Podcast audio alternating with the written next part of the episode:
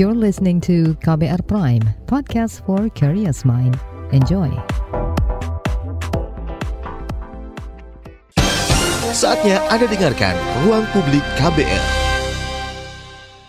Selamat pagi saudara, kita berjumpa kembali dalam Ruang Publik KBR. Tema pagi hari ini yang kita angkat seperti apa? Mitigasi hadapi krisis pangan.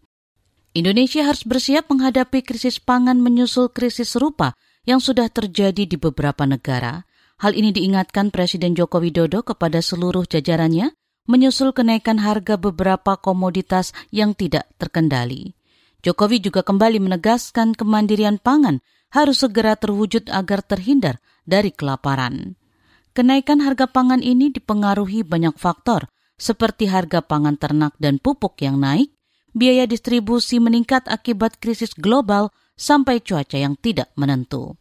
Lantas seperti apa mitigasi yang harus dilakukan pemerintah agar Indonesia bisa terhindar dari krisis pangan ini? Di ruang publik KBR, saya berbincang dengan Said Abdullah, Koordinator Koalisi Rakyat untuk Kedaulatan Pangan KRKP. Pak Said, Presiden Joko Widodo mengingatkan para pejabat pemerintah bersiap menghadapi krisis pangan, Pak. Krisis pangan yang saat ini mulai terasa dengan naiknya harga sejumlah komoditas. Pak Said, sebelum kita berbincang lebih jauh, kapan sebenarnya satu negara disebut berada dalam fase krisis pangan, Pak? Terima kasih atas waktunya. Ini saya kira statement yang uh, menarik uh, dari presidennya dan menjadi perhatian. Kenapa? Karena udah banyak contoh juga negara-negara yang hari ini ya, atau bahkan dari uh, sejak lama juga mengalami krisis pangan. Nah, kalau kita bisa melihat dari pengalaman sejarah uh, apa yang ada terutama dari negara-negara yang hari ini juga apa namanya mengalami krisis ya. Itu uh, kita sebut krisis ketika uh, apa produksi dalam negeri itu sudah tidak mampu lagi memenuhi uh, apa namanya tingkat kebutuhan untuk konsumsi. Ketersediaan pangan di dalam negeri uh, kan kalau ketersediaan itu bisa dua ya, bisa dari da eh, produksi dalam negeri atau juga dari importasi kira-kira begitu ya.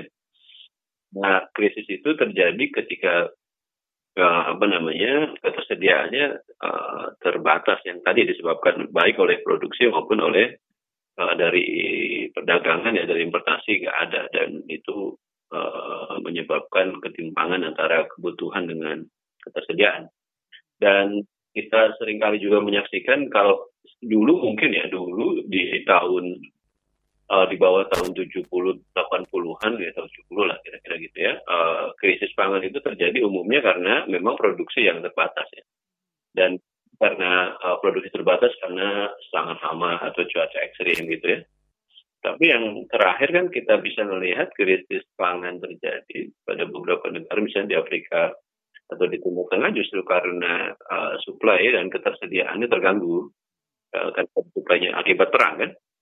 Jadi dimensinya menjadi menjadi lebih luas sekarang ya penyebab uh, krisis bisa karena memang produksinya yang kurang atau karena distribusi akibat perang tadi ya, gitu ya jadi jadi tidak ada gitu. Kalau begitu saat ini Indonesia di uh, fase yang mana itu Pak? Apakah sudah sampai di masalah ketersediaan dari dalam negeri yang sudah sangat berkurang, Pak?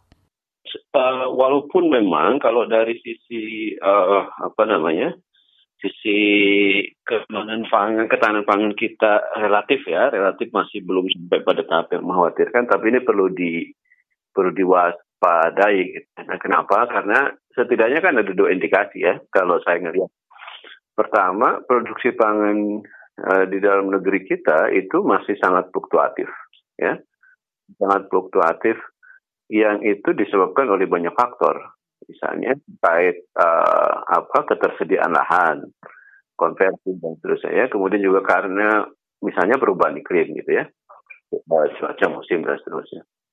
Fluktuasi uh, apa namanya produksi ini kalau tidak di manage dengan baik bisa berakhir pada situasi yang kalau itu kita bikin grafik gitu ya, itu bisa grafik turun terus slope-nya gitu.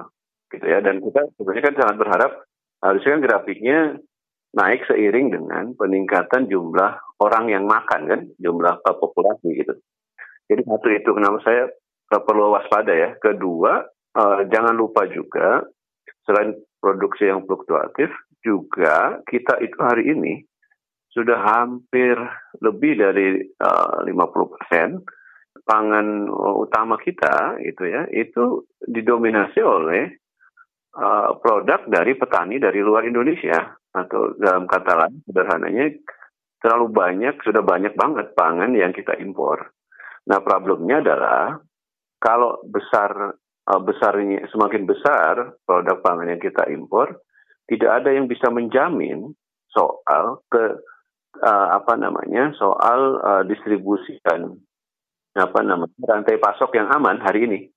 Karena ancaman wabah misalnya kasus covid ya terakhir gitu. Udah jelas begitu covid terjadi semua negara protect themselves ya. Mereka melindungi dirinya sendiri maka nggak ada lagi arus uh, perdagangan barang lintas negara. Nah ini kan sangat berbahaya ya. Kalau misalnya Indonesia makin lama makin masuk pada perangkap uh, jebakan impor yang makin uh, satu jenis pangan yang impor makin banyak, kedua makin dalam importasi kayak misalnya kasus kedelai atau gandum gitu. Nah itu uh, repot kita. Nah, kalau dua hari kira yang kedua kan soal perang. Terakhir misalnya uh, kita nggak perang memang, tetapi negara penghasilnya perang kayak Ukraina sama Rusia ya. Implikasi-implikasi logis karena kita pakai barang mereka gitu. Nah, dimensinya mungkin yang perlu kita uh, apa namanya waspadai dan pahami bahwa krisis pangan di Indonesia hari ini memang uh, masih uh, hijau ke kuning, tapi itu alarm saya alarm karena tadi uh, indikasi bahwa kita berat banget di importasi, saya kira jadi satu hal yang krusial ya, yang harus dipertimbangkan sebagai ancaman ya. Kan kita nggak pengen juga kayak misalnya negara-negara di Timur Tengah ya, atau di mana? Afrika lah ya misalnya. Itu yang kemudian hari-hari ini udah sulit juga. Kita dengar terakhir di mana? Di Asia kan ada Sri Lanka atau anu ya yang terakhir. Sri Lanka ya. Uh, itu sesuatu yang yang harusnya diwaspadai betul gitu. Bukan tidak mungkin itu merembet ke negara yang lain kalau kita nggak siap ya. Sebab itu ya Apakah kemudian dengan uh, sumber daya kita saat ini importasi itu sebenarnya bisa dikurangi, Pak? Atau sebenarnya memang importasi itu memang terhadap barang-barang yang kita tidak bisa produksi secara uh, besar jumlahnya? Ya, uh, kalau kita dalam konteks pangan ya, dalam konteks pangan kita ngelihat memang ada uh, bahan pangan yang uh, saat ini belum kita produksi. Contoh misalnya gandum ya di Indonesia kan memang belum produksi, jadi 100% rasanya masih dari impor ya. Uh, tapi kalau belajar juga ke apa namanya ke beberapa negara yang lain, misalnya Brazil ya, uh, mereka mengembangkan pada akhirnya bisa mengembangkan beberapa jenis uh, apa pangan, termasuk kalau nggak keliru termasuk gandum ya. Itu yang dari uh, subtropis ke tropis ya. Uh, jadi kalau menurut hemat saya uh, apa uh, driver teknologi itu harus dimanfaatkan dengan baik. Kalau hari ini kita belum uh, punya cukup kekuatan misalnya untuk memproduksi gandum padahal kita impor 11-12 juta ton dan itu hari ini sudah menjadi makanan kedua setelah beras ya sumber uh, apa energi kita maka mau nggak mau kita harus mulai berpikir bagaimana bisa memproduksi dalam negeri. Oh susah. Ini menurut saya dari pengalaman negara-negara lain dan kemajuan teknologi mestinya bisa ya Harusnya bisa gitu. Nah, tinggal pertanyaannya, ada dua pertanyaannya, mau nggak gitu. Political will ada nggak untuk itu? Contoh kasus misalnya kedelai. Eh, kedelai itu uh, di era 80-an, 90 ke bawah lah. Kita itu bisa produksi dengan baik. Setengah kebutuhan kita bisa dari dalam negeri. Tetapi karena kemudian nggak diurus ya tanda kutip nggak diurus gitu ya akhirnya sudah Nah, sekarang hampir 75 persenan kita impor dan itu eh, dari negara-negara uh, apa Eropa ya, Amerika juga gitu. Nah, kalau pertanyaannya apakah kita bisa? Menurut saya uh, harus dalam konteks keharusan harusnya bisa nggak ada kata nggak bisa harusnya loh ya. Kenapa satu uh, sejarah kita mengatakan bahwa banyak banget yang kita konsumsi hari ini yang diimpor tuh dulu diproduksi tepung singkong. Apa sih nggak di mana nggak bisa tumbuh singkong gitu kecuali kamu mungkin deh. Uh, terus apalagi kedelai tadi gitu. Nah problemnya adalah kita uh, sepertinya memang uh, melupakan kemampuan kita dalam konteks uh, tata kelola maupun sumber dayanya ya sumber daya alam gitu. Nah yang repot kan di kita menurut saya kenapa seolah-olah kita nggak mampu? Karena memang tata kelolanya yang yang nggak cukup baik ya sampai hari ini. Tata kelola itu soal aturan, soal tadi political will, soal kebijakan uh, program gitu ya. Itu yang uh, apa yang terlihat. Misalnya contoh kasus kedelai. Kenapa kita khusus pajale itu? Zamannya Pak SBY juga sama. Dari zaman Pak SBY bahkan ya. Terus pajale, khusus pajale gitu. Ada kedelai di situ. Sampai sekarang kita nggak bisa naikin produksi kedelai yang sang, uh, sangat tinggi padahal kita konsumen uh, tahu tempe terbesar ya. Karena satu nggak ada juga pernah ada nata bagaimana uh, produksi dilakukan di mana kapan. Lah sendiri nggak nggak pernah di di apa dikembangkan bahkan sus, nyusut terus. Ya kan karena kedelai itu biasanya ditanam setelah padi kalau di Jawa ya. Dan itu sekarang rebutan dengan rebutan dengan jagung. Petani lebih memilih jagung atau kacang uh, ini ya kacang hijau atau kacang hitam karena harganya lebih baik dibanding kedelai. Kenapa harga kedelai tidak lebih baik? Karena ada kedelai impor yang harganya lebih murah. Jadi disinsentif kan. Sementara harga kedelai lokal lebih tinggi, nggak ada yang mau beli. Nah, petani malah kira-kira gitu tuh. Itu kan muter kayak lingkaran setan yang seolah kita nggak berhenti gitu. Kayak nggak nggak ada ujungnya. Nah, saya mau mengatakan kenapa tadi bisa karena kita nggak ngelolanya yang bukan soal nggak ada lahannya, soal nggak bisa tumbuhnya, tapi soal kita mau atau enggak apa mengelola itu dengan baik gitu. Kira-kira gitu Mbak Ani. Dan sebelumnya juga pemerintah sudah melaunching uh, food estate begitu ya Pak ya. Sejauh ini seperti apa Anda melihat keefektifan food estate yang dibuat oleh pemerintah ini Pak?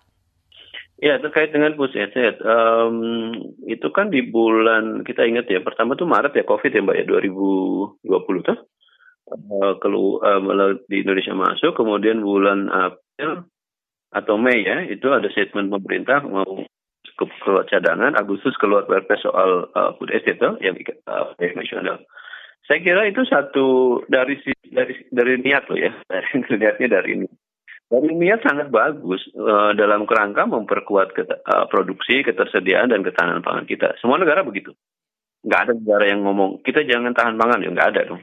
Semua pas COVID kemarin ngomong begitu gitu. Nah, pertanyaan lanjutannya adalah apakah niat baik itu dilakukan dengan cara yang benar enggak gitu. Gini ya. Niat baik itu kan kadang-kadang juga harus diikuti dengan cara yang yang baik dong gitu. Mau nolong orang kelaparan tapi caranya dengan mencuri kan ya enggak pas gitu kan. Nah, uh, dalam konteks food asset itu kalau kita belajar ke pengalaman dan sejarah selama ini, kita belum menemukan di konteks Indonesia, mungkin di konteks Eropa, Amerika mungkin pas ya. Tapi pertanyaannya kan apakah di konteks Indonesia pas model kayak begitu? Karena pengalaman selama ini kita ngelihat bahwa uh, kegagalan terus yang ditemui sejak zaman Pak Harto yang kan gambut terus juta ekor. Zamannya Pak SBY dilanjut yang Merauke Food Estate, uh, Ketapang dan seterusnya gagal juga bahkan berujung pada kasus-kasus koruptif kan. Ada yang uh, ditangkap dan dipenjara juga gitu ya. Nah ini uh, kemudian kan jadi pertanyaan kita semua, apakah betul uh, gagasan untuk put asset itu uh, menjadi jawaban atas uh, situasi yang sekarang berkembang, ya soal ketahanan pangan tadi. Nah terakhir kita melihat, uh, saya ingin mengatakan begini, bahwa secara ide ya harus begitu, gitu. Tapi pilihannya apakah harus estate atau enggak itu hal yang harus di, dilihat ulang juga, gitu. Sambil kita ngelihat nih, kalau dua tahun ke depan misalnya, kalau ini gagal seharusnya sih udah cukup lah pelajaran bagi kita bahwa model pertanian kita yang kepulauan kemudian agro uh, ekologisnya berbeda tiap tempat dan uh, kita hidup dari dihidupi dari produksi petani yang kecil-kecil jangan-jangan enggak bukan pilihannya bukan estate tapi pilihannya bisa-bisa harusnya memperkuat petani-petani kecil dia menjadi lebih uh, atraktif produktif. Pilihannya kan begitu Jangan ke mana-mana, tetap di ruang publik KBR. Masih Anda dengarkan ruang publik KBR. Commercial break. Commercial break. Anda sering gelisah, tidak bisa tidur nyenyak, selalu merasa ada yang merasuki pikiran Anda. Ini bukan iklan horor atau cerita seram, kalau Anda mengalami hal seperti itu, Anda pasti ketinggalan berita terupdate yang lagi ramai diperbincangkan. Gak mau kan dibilang ketinggalan berita?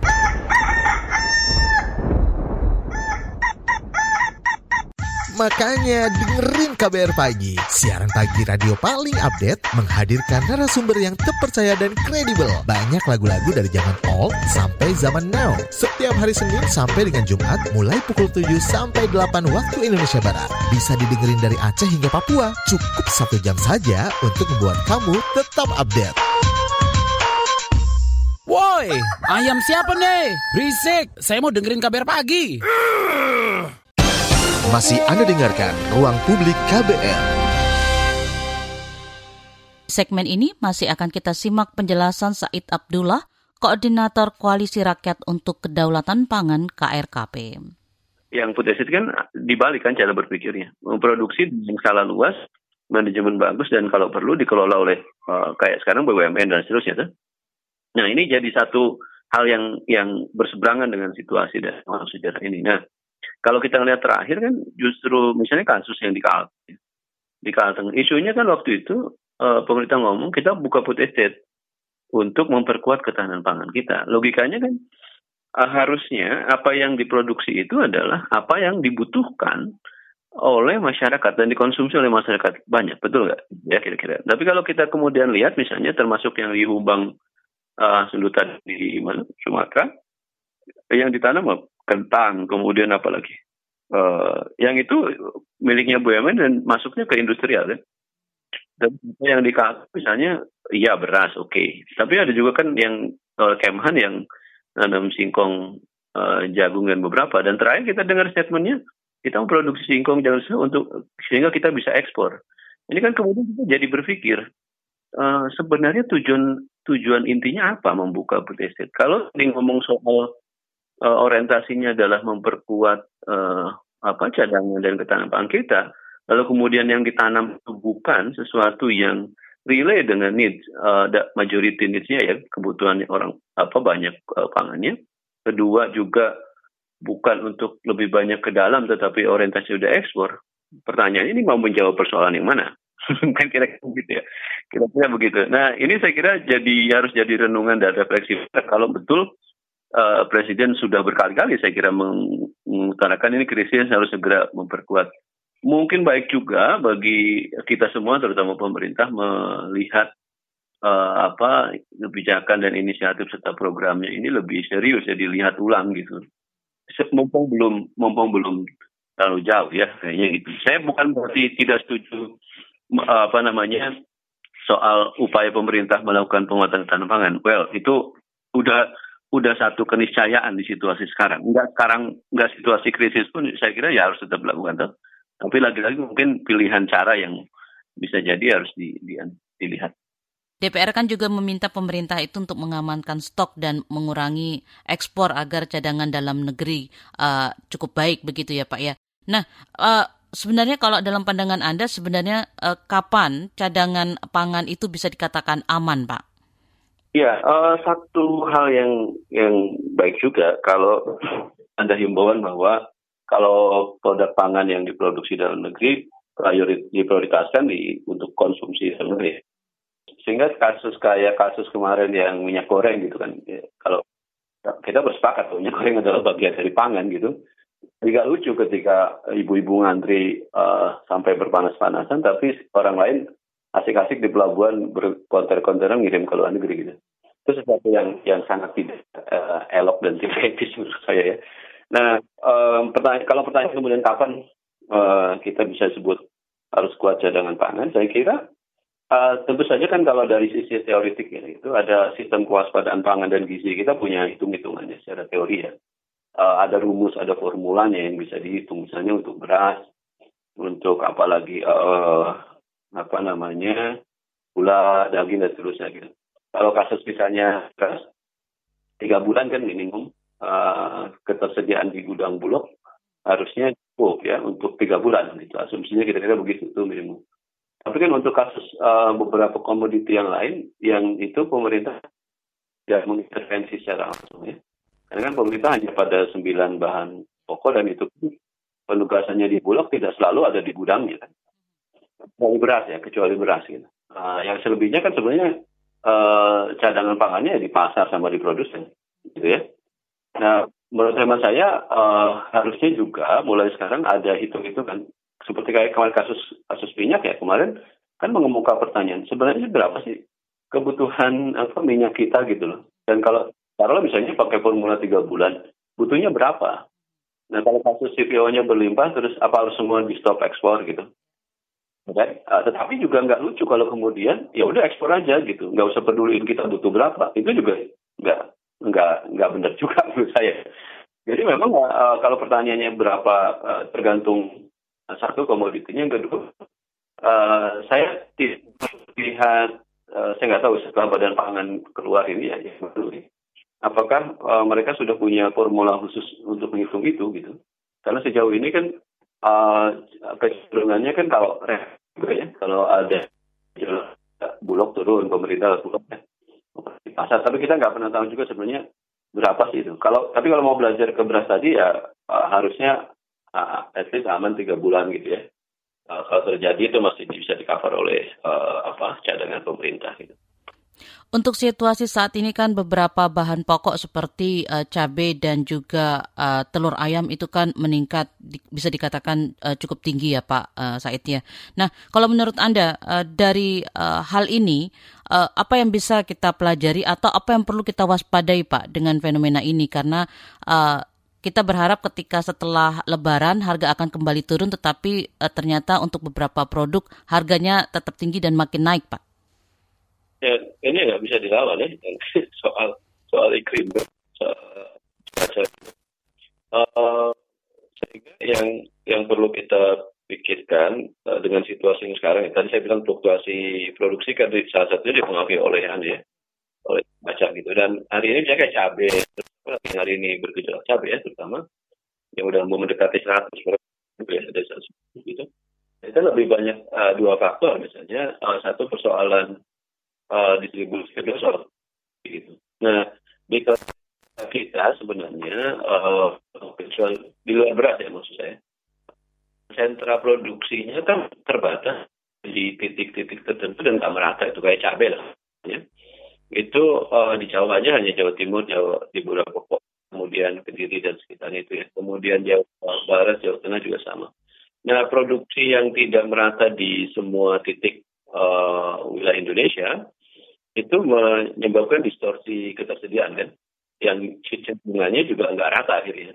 Apalagi kalau ada gangguan uh, distribusi ya soal cuaca uh, misalnya kalau lintas pulau dan seterusnya. Yang kedua kan uh, persoalan ini ketidakmerataan uh, apa namanya produksi berdasarkan waktu.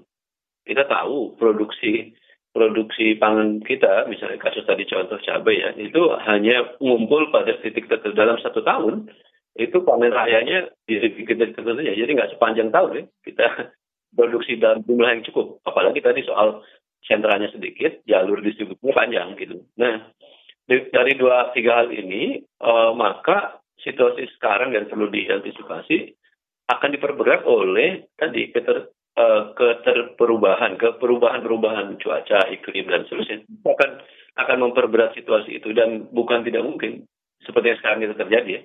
Fluktuasi kayak begini ini akan terus-terusan terjadi sepanjang sepanjang waktu bisa jadi loh. Tahun depan juga uh, terjadi dan seterusnya. Nah, yang perlu kita pikirkan satu tadi ya, memperbaiki tata uh, rantainya, uh, rantai pasarnya lebih efisien dan efektif. Kedua, jika mungkin tadi balik ke pernyataan saya di awal tadi soal punya banyak uh, lahan dan seterusnya, tapi kan belum dipetakan, belum didorong misalnya untuk kasus Sumatera, di mana saja akan dikembangkan jadi sentra, ya, contohnya cabai misalnya. Sekarang sudah ada kecil-kecil, tapi bisa nggak itu di, dikuatkan, kemudian di uh, Kalimantan dan seterusnya. Nah, kalau satu hal. Kedua, terkait dengan uh, tadi perubahan iklim dan seterusnya, maka mau nggak mau kita harus lebih siap dari dibandingkan kondisi sekarang. Uh, cuacanya nggak kayak sekarang ya, harusnya udah masuk kering tapi kan tahun ini uh, lanina ya banyak air malah kan ya, tadi naik karena produksinya terhambat uh, busuk dan seterusnya. Nah uh, hal ini harus disiapin tidak hanya dari sisi uh, apa namanya uh, kesiapan di ujung di pasar misalnya operasi pasar ketika harga tinggi tapi juga dari sisi distribusi bahkan mungkin diproduksi misalnya. Pertanyaannya petani dapat uh, knowledge cukup nggak sih uh, terkait dengan mus tahun ini musim ini akan hujan atau enggak gitu. Informasi itu nyampe nggak sih ke mereka? kemudian pertanyaannya, apakah mereka sudah diberikan penguatan nggak sih? Kalau ya begini, hujan terus, apa yang dilakukan? Kalau kering, apa harus dilakukan? Itu pertanyaan-pertanyaan dasar yang menurut saya, kalau dibalik dalam kerangka uh, program atau kebijakan, harusnya dijawab oleh pemerintah uh, uh, untuk menjawab itu kan misalnya dengan penyebarluasan informasi iklim yang lebih detail, lebih sampai ke petani misalnya. Kedua, misalnya penguatan kapasitas untuk adaptasi uh, terkait perubahan iklim tingkat petani misalnya. Kalau kita melihat kecenderungannya ada inisiatif yang dikembangkan pemerintah walaupun kecil-kecil ya. Tapi itu belum bisa menjawab persoalan dasarnya tadi gitu. Kira-kira gitu Mbak kalau menurut saya yang, yang harusnya bisa dilihat lebih jauh. Jangan ke mana-mana, tetap di ruang publik KBR. Masih Anda dengarkan Ruang Publik KBR. Terima kasih untuk Anda yang masih setia mendengarkan Ruang Publik KBR hari ini dengan tema Seperti apa mitigasi hadapi krisis pangan. Masalah cuaca yang tidak menentu juga turut menjadi faktor kenaikan harga pangan. Musim kemarau tahun ini berpotensi mundur akibat fenomena La Nina. Akibat curah hujan yang lebih tinggi itu, sejumlah petani tanaman hortikultural berpotensi merugi. Lantas, apa upaya mitigasi pemerintah? Berikut laporan khas KBR yang disusun jurnalis Mutia Kusuma Wardani. Potensi lanina akan berlanjut pada semester kedua tahun ini. Lanina ialah kondisi suhu muka laut atau SML di Samudra Pasifik bagian tengah yang dingin di bawah suhu normalnya. Situasi tersebut berpotensi meningkatkan curah hujan di wilayah Indonesia secara umum dan mengakibatkan musim kemarau mundur. Ini menjadi tahun ketiga berturut-turut atau disebut lanina berantai. Kepala Pusat Informasi Iklim Terapan Badan Meteorologi, Klimatologi, dan Geofisika BMKG, Arda Senasopa Heluakan, mengatakan tingginya curah hujan itu akan berdampak pada komoditas pangan. Karenanya, pemerintah daerah dan dinas pertanian harus mengantisipasi hal itu. Tapi biasanya tanaman yang sifatnya hortikultura yang apa membutuhkan kondisi kering ketika misalkan dia mau dipanen seperti tembakau gitu ya itu barangkali kurang kurang favorable kurang menguntungkan gitu. Ardasena meminta tingginya curah hujan ini juga dimanfaatkan untuk pengelolaan sumber daya air, semisal untuk irigasi sawah. Ia berharap curah hujan yang tinggi itu tak langsung mengalir ke laut. Kata dia, awal pergantian ke musim kemarau nantinya akan terjadi di wilayah-wilayah pesisir, semisal di Jawa Tengah sebagai salah satu sentra tanaman bawang. Kata dia, daerah-daerah yang ditanami tanaman hortikultura baru akan mengalami kemarau pada bulan ini. Merespons kondisi tersebut, Menteri Pertanian Syahrul Yasin Limpo mengklaim telah melakukan mitigasi kerugian pertanian akibat cuaca ekstrim La Nina. Untuk mengantisipasi dampak perubahan iklim, hingga akhir tahun dan mengamankan produksi pangan kita, maka Kementerian Pertanian telah mempersiapkan kegiatan adaptif, adaptasi dan mitigasi. Kegiatan adaptasi meliputi yang pertama pengembangan sumber air alternatif atau embun dan parit dan lain-lain. Yang kedua pengembangan irigasi hemat air. Yang ketiga pemanfaatan asuransi yang keempat, perbanyakan beli secara masif terutama varietas toleran kekeringan dan kebanjiran. Menteri Pertanian Syahrul Yasin Limpo menambahkan, mitigasi yang dilakukan antara lain pengembangan kawasan perkebunan dalam rangka mengurangi pemanasan global, hingga melakukan bimbingan teknik, adaptasi, dan mitigasi. Selain itu, pemerintah juga akan mengembangkan unit pengelolaan pupuk organik. Menurut pengamat pertanian Hudori, sejumlah komoditas yang terancam adalah sayur-sayuran, cabai, bawang-bawangan, dan tomat. Itu sebab ia mendorong pemerintah mengantisipasi kerugian komoditas pangan akibat lanina tanaman-tanaman ini ketika panen itu sebetulnya tidak butuh banyak air gitu. Nah, kalau pada saat itu ternyata hujan masih turun lebat, kelembapannya tinggi, potensi untuk hama dan penyakit uh, tinggi dan potensi untuk terjadi kegagalan panen juga besar gitu. Nah, tinggal bagaimana ini di, di, di, dioptimalkan ya barangkali uh, mungkin uh, kalau praktek di beberapa daerah itu kalau dia bisa dilakukan di uh, apa kayak greenhouse gitu naungan tapi pasti butuh butuh biaya yang besar mbak. Pengamat pertanian Hudori sepakat dengan BMKG bahwa tingginya curah hujan juga harus dimanfaatkan. Kata dia, ketersediaan air harus dilengkapi dengan ketersediaan sarana produksi seperti bibit dan pupuk yang terjangkau oleh petani. Selain itu, pemerintah harus membantu modal petani untuk menanam ulang komoditas pangannya yang terancam gagal panen. Dampak fenomena lanina turut mendongkrak harga komoditas pangan hortikultura di tingkat pedagang pasar. Padahal menurut Ketua Umum Ikatan Pedagang Pasar Indonesia, Abdullah Mansuri, harga sejumlah komoditas sempat menurun usai Idul Fitri. Bawang itu sekarang per hari ini 51 sampai 52. Bulan lalu ya, bulan lalu masih 35 sampai 40. Artinya ada kenaikan kurang lebih sekitar 10 ribu sampai 12 ribu. Nah dalam kurun waktu yang singkat sekian itu juga jadi persoalan. Belum. Cabai cabean hari ini kenaikannya fantastis, 2.000 sampai 3.000. Eh, cabai rawit merah itu kenaikannya per hari ini saja itu 1.500. Akibat kenaikan harga pangan terjadi penurunan daya beli oleh pedagang maupun pembeli. Karena itu ia mendorong transparansi data pangan terkait jumlah produksi hingga distribusinya, serta memastikan stok pangan aman sehingga tak memicu tren kenaikan harga yang berkepanjangan. Demikian laporan khas KBR yang disusun dan dibacakan Mutia Kusumawardani. Berikutnya saudara akan kita simak penjelasan pengamat pertanian Institut Pertanian Bogor IPB Dwi Andreas Santosa dari pantauan hmm. kami kan harga bahan pokok uh, seperti cabai, telur gitu sedang tinggi. Nah mungkin boleh ya. dari pandangan Bapak sebenarnya apa sih Pak yang membuat harga pangan ini masih tinggi bahkan setelah Lebaran begitu Pak? Ya, um, harus diingat ya harga pangan ini tergantung dua jenis pangan ya. Yang pangan pertama uh, pangan yang uh, sebagian besar kita impor kan misalnya gandum lalu apa itu namanya kedelai gandum 100 persen kedelai 97 persen gula 70 persen bawang putih 100 persen ya. Nah harga-harga pangan um, yang kita impor tersebut sudah barang tentu pergerakan harganya sesuai dengan pergerakan harga di tingkat internasional Uh, sehingga mengapa harga gandum ini melonjak relatif tinggi, di, terutama di tahun 2022 ini ya, ini jauh lebih tinggi dibanding tahun-tahun sebelumnya. Sekarang sudah di atas 11 ribu, uh, di atas 11 ribu. Sebelumnya itu antara 8.500 sampai 9 ribu. Ya memang kalau gandum nggak terasa karena pelan-pelan kan. Uh, Lalu kemudian uh, apa? Kedelai, kedelai juga. Kedelai itu uh, biasanya di sekitar uh, tahun-tahun sebelumnya ya, biasanya di sekitar 11.000 sampai tingkat konsumen ya, kedelai tingkat konsumen. Sekarang ini sudah melonjak mendekati di, uh, sekitar 13.900 saat ini. Lonjakan yang cukup tinggi. Uh, terus yang impornya tinggi juga daging sapi, karena 50% kebutuhan daging sapi kita impor. Dan itu tahun lalu itu harga tertinggi itu di 125.000 sekarang sudah hampir 140 ribu. Eh, sorry 100 ya 132 ribu lah saat ini.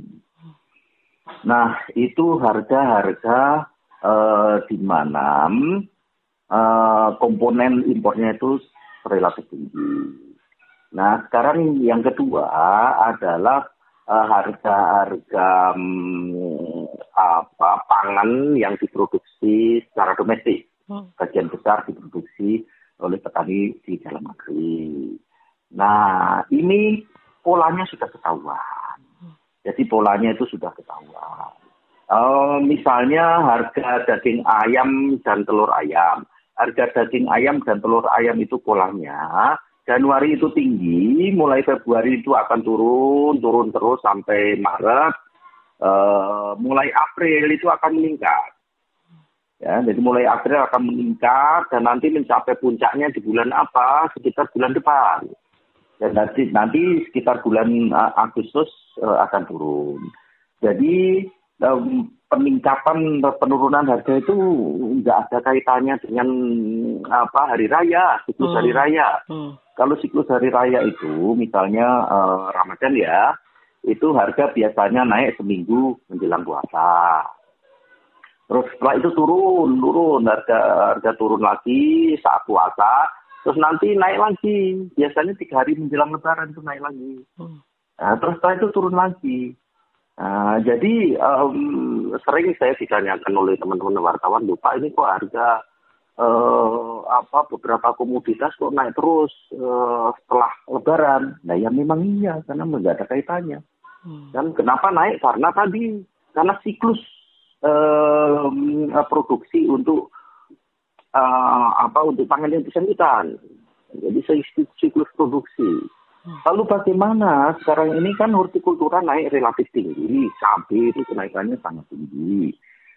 Nah, kalau cabai dan hortikultura ini um, memang agak susah menduganya. Dan uh, kalau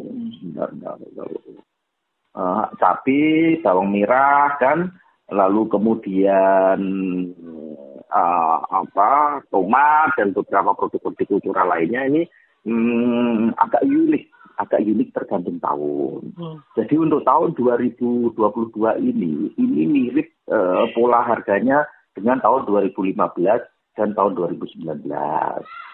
Tahun 2015 itu uh, El Nino, tahun 2019 juga El Nino. Ya sekarang ini kan mendekati lanina ya kemarin itu mendekati normal, bahkan uh, beberapa prediksi uh, El Nino lemah. Nah, jadi polanya hampir sama dengan 2015-2019.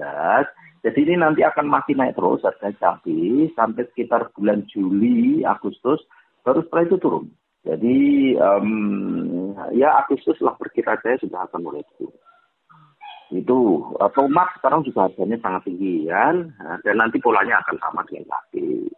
Uh, demikian juga uh, bawang merah. Bawang merah itu kemungkinan besar bulan depan sudah akan turun bulan ini pun sebenarnya sudah ada tren turun. Eh, bulan Juni ini. Jadi bulan Juni ini sudah akan mulai turun. Jadi tidak ada masalah untuk bawang merah. Jadi itu ya pola pola pergerakan harga. Jadi tidak ada kaitannya dengan hari raya. Jangan ke mana-mana, tetap di ruang publik KBR. Masih Anda dengarkan ruang publik KBR. Commercial break. Commercial break. transfer ke sini udah, bayar ini juga udah. Ke gue udah. Heh, Allah, pertumbuhan ekonomi tuh lagi melambat, persis kayak tabungan gue. Betul banget, harus matang ngelola keuangan. Pengennya tuh investasi sesuatu gitu ya. Apa gitu yang cocok dan menguntungkan? Hmm, coba dengerin uang bicara deh. Gue belakangan lagi dengerin podcast itu di KBR Prime reksadana tadinya 500 juta udah turun dari 250 juta sekarang 10 ribu. Sama kita ngopi mahalan mana? Ketika itu ada keputusan yang kayak begitu investor harus tahu gitu oh ada keputusan ini berarti implikasinya apa? Orang mungkin perluas literasi kamu lewat podcast Uang Bicara. Uang Bicara menavigasi kamu dengan menghadirkan bahasan-bahasan seru dan populer mulai dari investasi sampai kebijakan dipersembahkan oleh KBR Prime dan bisa didengarkan di KBR Prime, Spotify, dan platform mendengarkan podcast lainnya. KBR Prime, podcast for curious mind. Masih Anda dengarkan Ruang Publik KBR. Kita tiba di bagian akhir ruang publik KBR hari ini. Masih akan kita simak penjelasan pengamat pertanian Institut Pertanian Bogor IPB, Dwi Andreas Santosa. Jika dikaitkan dengan ketahanan pangan gitu Pak, kan uh, juga sering dikaitkan dengan stok pangan ketersediaan yang dimiliki oleh pemerintah gitu. Sebenarnya kalau di pandangan Bapak komoditas apa saja sih Pak yang bisa dibilang rentan kekurangan gitu di kita? Ya sudah barang tentu uh, aspek yang ya memang kalau kita bicara terkait dengan availability ya hmm. dalam konsep ketahanan pangan ya kita bicara ketahanan pangan kan ada isu yang disebut isu uh, availability ketersediaan pangan ketersediaan pangan itu eh, di dalam konsep ketahanan pangan tidak peduli dari mana pangan tersebut berasal kan? Hmm. mau dari impor mau dari dalam negeri tidak ada masalah. Nah itu yang menyebabkan impor pangan Indonesia itu mengalami lonjakan sangat tajam selama 10 tahun terakhir. Kan? Jadi kalau uh, delapan komoditas pangan utama saja itu di tahun 2008 baru 8 juta ton tahun 2018 10 tahun kemudian sudah melonjak ke 27,6 juta ton. Lalu 2019 turun sedikit, 2020 juga turun sedikit. Tahun 2021 kemarin, ini data yang sudah resmi ya, tetap publis ya, itu melonjak lagi lebih tinggi dibanding 2018, yaitu 27,7 juta ton. Jadi itu dalam arti apa? Um, upaya penyediaan pangan untuk masyarakat Indonesia saat ini semakin lama semakin tergantung impor. Dan lalu uh, gandum misalnya ya gandum kalau tahun 70-an itu baru memenuhi ya hampir 0% lah sebagai pangan pokok kita. Nah, lalu sekarang berapa? 26,9 persen. Hampir 27 persen saat ini. Proporsi gandum sebagai pangan pokok kita.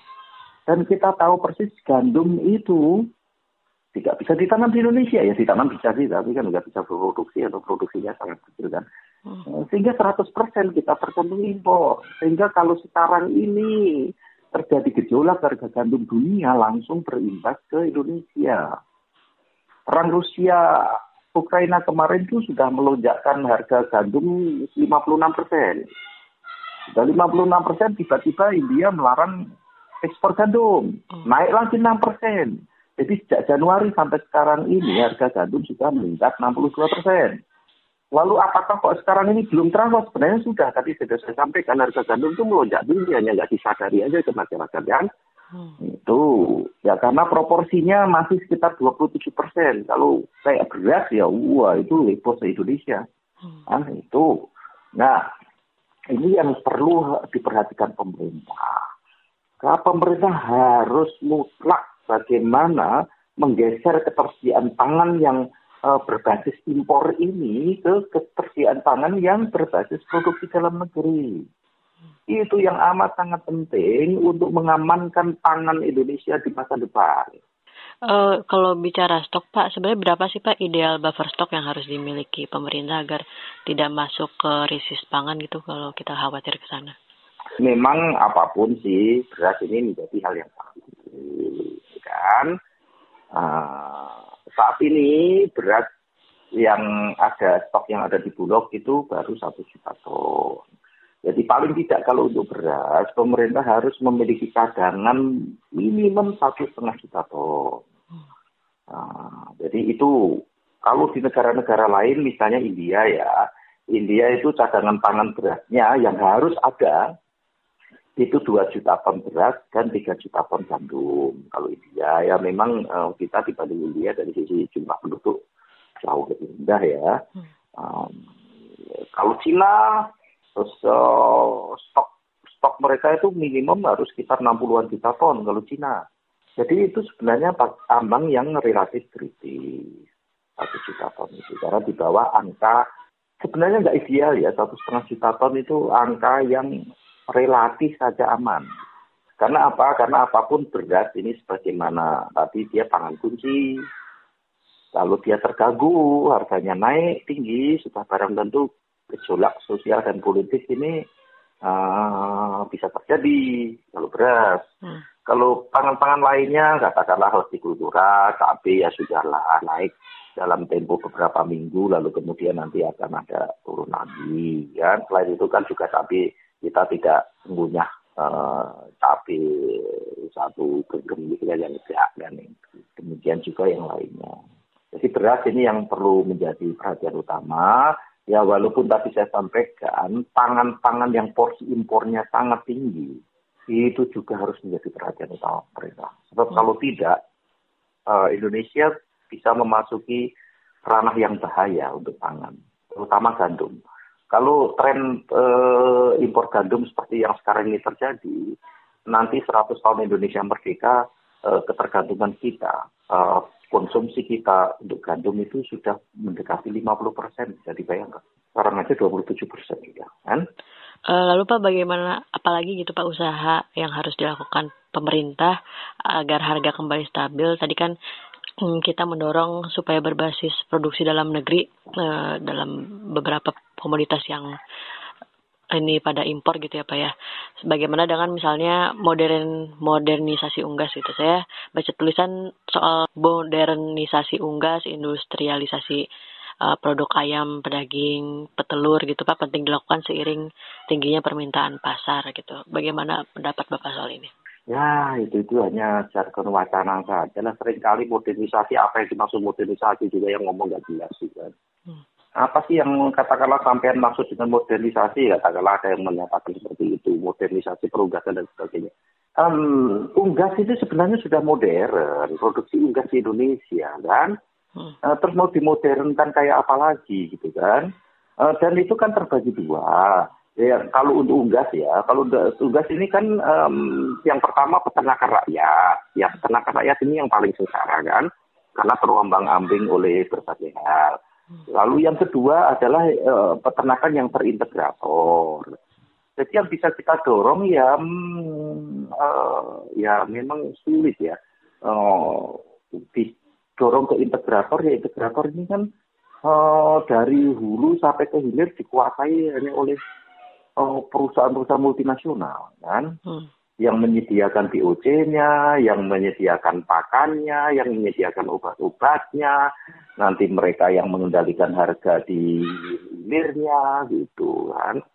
Jadi yang paling penting justru uh, penguatan uh, kelembagaan uh, peternak-peternak rakyat ini itu yang paling penting sebenarnya. Uh, dan harga apa eh, komoditas peternakan ini kan juga tadi sudah saya sampaikan fluktuatif kan. Hmm. Hmm, dan fluktuatif kenapa ya? Karena musimnya seperti itu. Misalnya um, saat ini musim uh, petelur-petelur itu diganti dengan yang baru gitu kan. Hmm. kan? Sehingga kan telurnya berkurang, sehingga produksi meningkat atau musim apa uh, yang untuk ayam-ayam daging ini uh, mulai tergantikan juga oleh yang baru-baru sehingga uh, proses produksi ayam dagingnya menurun kan itu itu musim karena pola-pola itu jadi sebenarnya kalau kita bicara bagaimana meningkatkan uh, apa ke stabilitas pangan di Indonesia meningkatkan resiliensi pangan di Indonesia, yang meningkatkan produksi domestik. Dan itu yang kunci utama. Peningkatan produksi domestik sampai sekarang itu hanya wacana dan jargon saja. Kenapa saya bilang gitu? Tadi sudah saya sampaikan. Impor komoditas pangan meningkat 20 juta ton itu nggak ngebayangin hanya dalam tempo 10 tahun. Ya, padahal program-program pemerintah kan selalu coba aja setiap menteri programnya peningkatan produksi.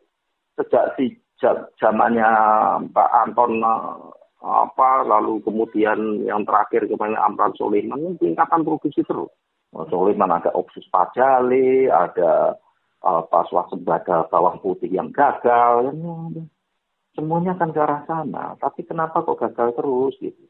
Produksi tadi sebagai catatan di selama pemerintah sekarang ini, pemerintah Pak Jokowi sejak tahun 2015 sampai tahun lalu, lalu data yang sudah ada ya, itu justru menurun. Menurunnya berapa? 0,35 persen. Jadi ini berbeda dengan klaim yang disampaikan oleh Mentan. Yang menyatakan, wah kita uh, produksinya sangat bagus. Lalu kemudian apa e, malah mau ekspor beras ke Arab Saudi dua setengah juta ton apa-apaan. Lalu e, kita tidak impor lagi beras medium betul kita eh, pemerintah tidak melakukan importasi beras medium tiga tahun terakhir ini. Memang betul. Tapi kalau kita dalami lebih lanjut lagi, karena memang terjadi penurunan konsumsi beras.